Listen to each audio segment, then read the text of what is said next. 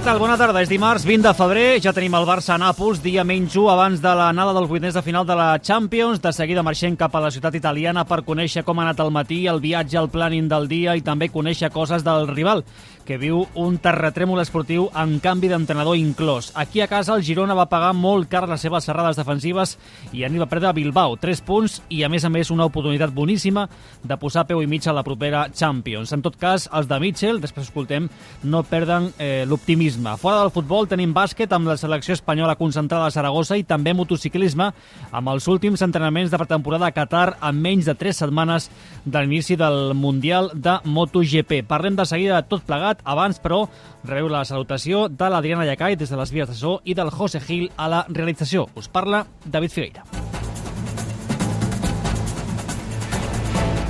La Champions és l'il·lusió a la que s'agafen el Barça i els seus seguidors després d'una temporada en què perdudes la Supercopa i la Copa del Rei i en la Lliga molt complicada, Europa sembla l'únic camí complicat, però l'únic camí per veure una versió convincent dels de Xavi Hernández. Demà Nàpols-Barça, el Diego Armando Maradona, hem de parlar dels italians, abans però del Barça, que ha arribat eh, ja a Itàlia, com també ho han fet els nostres enviats especials, amb el Raúl Hernández a la part tècnica i amb el Josep Capel i el Germà Garcia. Hola Germà, què tal? Bona tarda.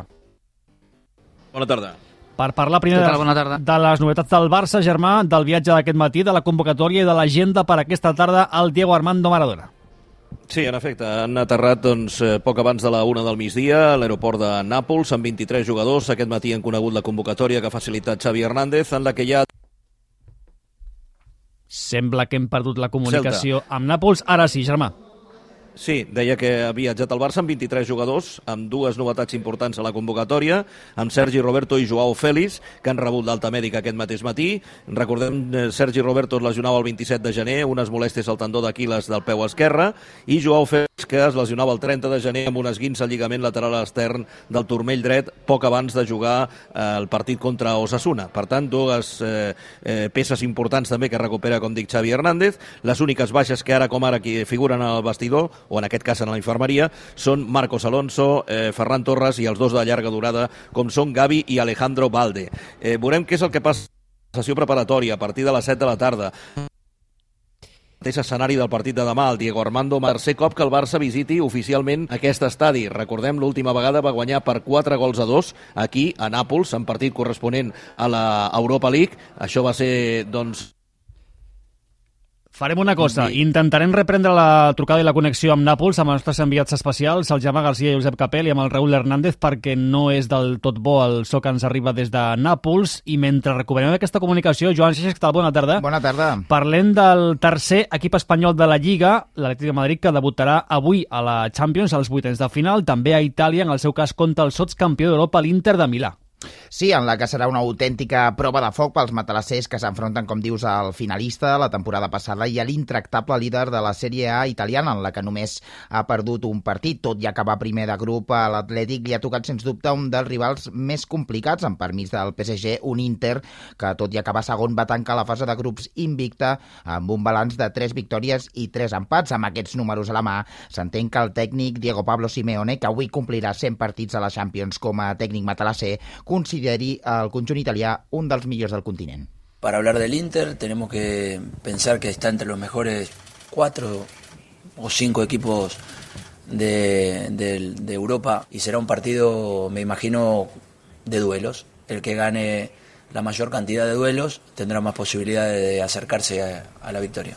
Els lesionats Lemar i Azpilicueta són les úniques baixes d'un Atlètic de Madrid que podria sortir d'inici amb Oblak sota pals, amb Bitzel Jiménez i Hermoso en defensa, amb Nahuel Molina i Reinildo als carrils, amb Coque de Paul i Saúl al mig del camp i a dalt tot apunta que el Xolo mantindria el Llorente com a acompanyant d'Antoine Griezmann, tot i que no es descarta que Memphis Depay pugui sortir d'inici. Aquest Inter Atlètic de Madrid a les 9 de la nit al Giuseppe Meazza de Milà, on fa exactament 10 anys i un dia els madrilenys s'estrenaven en una eliminatòria de Champions en aquella ocasió contra el Milan a San Siro. Gràcies, eh, Joan. Això serà avui, demà, com dèiem, el Porto Arsenal i el Nàpols-Barça. Aviam ara, creuem els dits, si la comunicació amb el Germà és eh, millor que fa una estoneta. Germà, ens havies explicat que Sergi Roberto i Joao Félix entren a la convocatòria. Ens quedava per eh, saber quin és el planning d'aquesta tarda, de les properes hores del Barça a la ciutat italiana.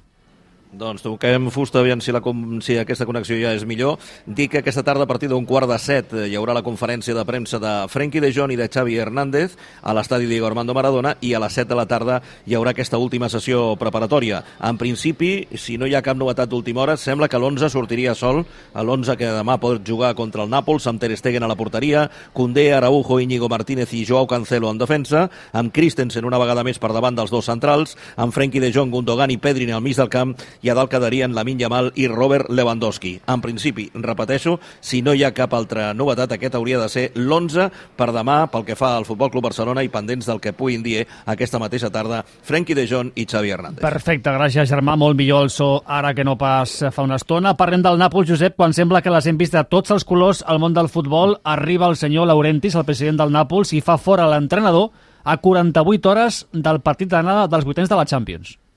Sí, a menys de 48 hores, perquè ho va anunciar ahir a punt de ser les 10 de la nit, ell mateix eh, a Sky Sports i també a través de les xarxes eh, socials. Eh, ja era un secret a veus al llarg del dia d'ahir a Nàpols, que es carregarien Mazzarri, que recordem, a més a més, era el segon tècnic que tenia aquesta temporada perquè havia substituït abans a Rudi Garcia. El substitut Francesco Calzona i compta perquè estava sent el seleccionador d'Eslovàquia i compaginarà aquesta feina fins a final de temporada. Continuarà, com dic, com a seleccionador a qui havia classificat per l'Eurocopa i, a més a més, com a tècnic del Nàpols. És un vell conegut del Nàpols perquè havia estat el segon entrenador, primer de Sarri i posteriorment de Spalletti. Per tant, un home eh, molt estimat aquí a, a Nàpols. Així que, eh, com veus, en plena crisi el Nàpols, pitjor fins i tot que el Barça. Recordem que ara mateix estan novens classificats a l'Escudeto, ni més ni menys que 27 punts de l'Inter, que és el eh, líder de la competició i el més important per ells perquè el que tenen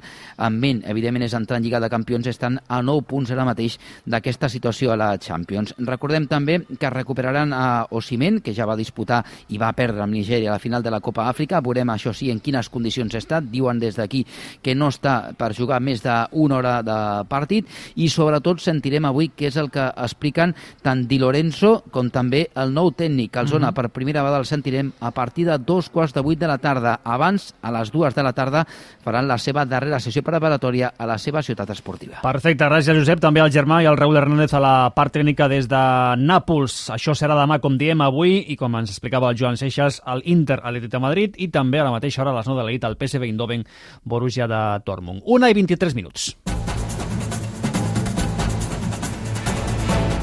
no tengo la sensación de que, de que el equipo le pesen las piernas ni la carga de minutos. Todo el mundo está preparado para seguir compitiendo al 100%.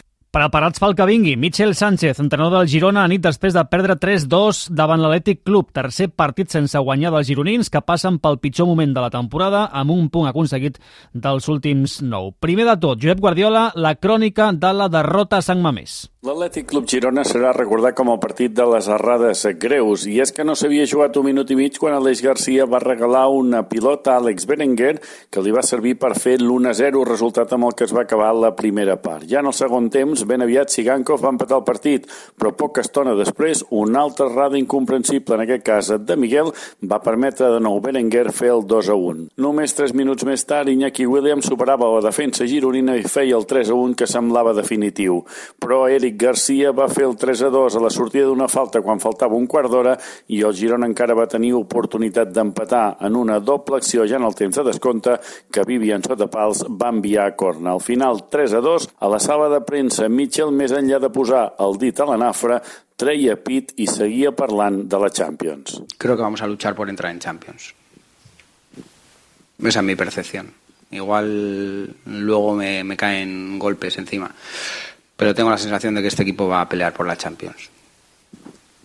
Si hubiéramos ganado, creo que era un objetivo muy, muy claro pero ahora que hemos perdido creo que es un objetivo muy claro también. Tengo la sensación de que este equipo puede pelear por la Champions. Un cop tancada la 25a jornada, el Girona queda a 6 punts del Madrid i en aquesta lluita per una plaça a la Lliga de Campions té dos punts d'avantatge respecte al Barça, 5 amb l'Atlètic de Madrid i 7 respecte a l'Atlètic Club de Bilbao. El pròxim compromís pel Girona dilluns vinent a Montilivi davant del Rayo Vallecano. D'aquí sis dies, gràcies Josep, i encara una reflexió més al voltant del partit d'ahir a Sant Mamés. Ernesto Valverde, l'entrenador l'entrenador de l'Atlètic reconeix que potser el d'ahir va ser dels duels més exigents del que porten de temporada. Posiblemente, no he visto todavía los datos físicos, pero sí será de los más, posiblemente de los más exigentes, porque al final no hay no hay paradas, eh, tiempo para descansar, al final es un continuo ir y venir, un toma y daca. Eh, entonces, pues bueno, en esos partidos, si no jugamos así, posiblemente no hubiésemos acabado el partido porque ellos al final te van empujando, te van, te van entrando en juego esos jugadores de dentro, te lo, van dando de comer a sus delanteros y, eso les hace peligrosos. De hecho, vamos, un equipo que está peleando por la liga desde el principio de temporada en la jornada 25 no és por casualidad. I una més de futbol a les Rozas, Madrid, segon dia de concentració de la selecció espanyola femenina que prepara la semifinal de la Lliga de Nacions de divendres a Sevilla davant Països Baixos. Si Espanya guanya, recordem, tindrà bitllet olímpic per París. En les darreres hores hem pogut escoltar Vicky López, la jugadora del Barça, amb només 17 anys, viu la seva primera concentració amb la selecció. Estaba un poco nerviosa, al final era mi primera vez con, con todas ellas, bueno, con alguna de ellas, pero el entreno ha ido bien y, y muy feliz de estar aquí. Me enteré por la, o sea, por la mañana cuando vi la convocatoria que recibí un montón de llamadas, yo estaba estudiando, que a la tarde tenía un examen y recibí muchas llamadas y ya me enteré que iba convocada con la selección. Veurem si disposa de minuts Vicky López divendres a la semifinal o potser dimecres de la setmana vinent a la gran final d'aquesta Lliga de Nacions. Una i gairebé 27 minuts. Plana poliesportiva, Àlex Carazo, què tal? Bona tarda. Bona tarda. Segon i últim dia d'entrenaments avui de pretemporada de MotoGP a Losail i amb quines conclusions després de la primera jornada d'ahir? Ara fa poc més d'una hora que ha començat aquesta última jornada, igual que va passar ahir, de moment els pilots prefereixen esperar una mica que avanci el dia per rodar i completar voltes, perquè recordem que el Gran Premi de Qatar es disputa sempre per la nit i per tant volen apropar-se al màxim a les condicions que es trobaran el pròxim 9 i 10 de març quan comença el Mundial. Ahir els més ràpids van ser Peco Banyaya i Jorge Martín, campió i subcampió de 2023 i tercer classificat Aleix Espargaró, el millor català. De fet, l'Aprilia dona bones sensacions també amb Maverick Viñales, sisè, Àlex Márquez va ser setè i ja fora del top 10 trobem a Marc Márquez, que va tornar a ser un dels pilots que més voltes va completar, igual que els entrenaments de Malàcia, i va acabar setzè. Bien, bastante bien. Sí que es verdad que si miras la clasificación no lo refleja mucho, pero, pero bueno, hemos ido mejorando. Lo más importante es que respecto a Malasia ya desde el principio iba mucho más suelto encima de la moto. La última hora, como en Malasia el primer día, ha sido la, la que me he empezado a encontrar mejor, más suelto y entender eh, si podemos seguir eh, mejorando, entender si podemos seguir acercándonos a Bagnaia y Martín, que son los que van más rápidos. Eh, bueno, de la clasificación y también de, Ducati y poco a poco a ver si podemos estar un poco más cerca. Pel que fa a la resta d'espanyols, David Raúl Fernández 12è, Joan mm -hmm. Mir 13è, Pedro Acosta 15è, Àlex Rins 19è i Augusto Fernández 20è. Gràcies, Àlex. Bona tarda. Bona tarda. Bàsquet, segon dia de concentració de la selecció espanyola masculina a Saragossa. Aquest dijous, primer partit de classificació per l'Eurobàsquet del 2025 davant Letònia, amb l'expectativa de poder veure la tornada a les pistes de Ricky Rubio. A més de Rubio, també s'han incorporat Joel Parra i Darío Brizuela, després de jugar i perdre la final de la Copa del Rei a Màlaga contra el Real Madrid. Anita Radioceta de los Deportes l'entrenador dels blancs, Xus Mateo, eh, destacava i posava en valor el fet de guanyar la final a un gran rival com va ser el Barça de Roger Grimau. Fuimos un Barcelona que, que nos puso las cosas realmente difíciles en la final. Creo que fuimos de, menos a más durante el torneo y eso a veces también pasa. Nos fuimos, fuimos mejorando muchas cosas eh, eh, del primer día al último y estoy encantado porque son cuatro días que que nosotros teníamos ganas de, de, hacerlo bien porque el año pasado no, no fuimos capaces de pasar a la final y disputar el título. Y este año íbamos con esa espina clavada de, de darle a la afición todo bueno pues este este título no Xus Mateo, ahir a Ràdio Nacional, a Ràdio Gaceta, amb José María Rubí. Per cert, que el bàsquet Girona incorpora el base canadenc Kenny Cherry fins a final de temporada. Cherry va jugar aquest curs al Joventut per substituir en el seu moment el lesionat Andrés Feliz. Així acabem els esports. Arribarà la informació de caire general. Gràcies, bona tarda.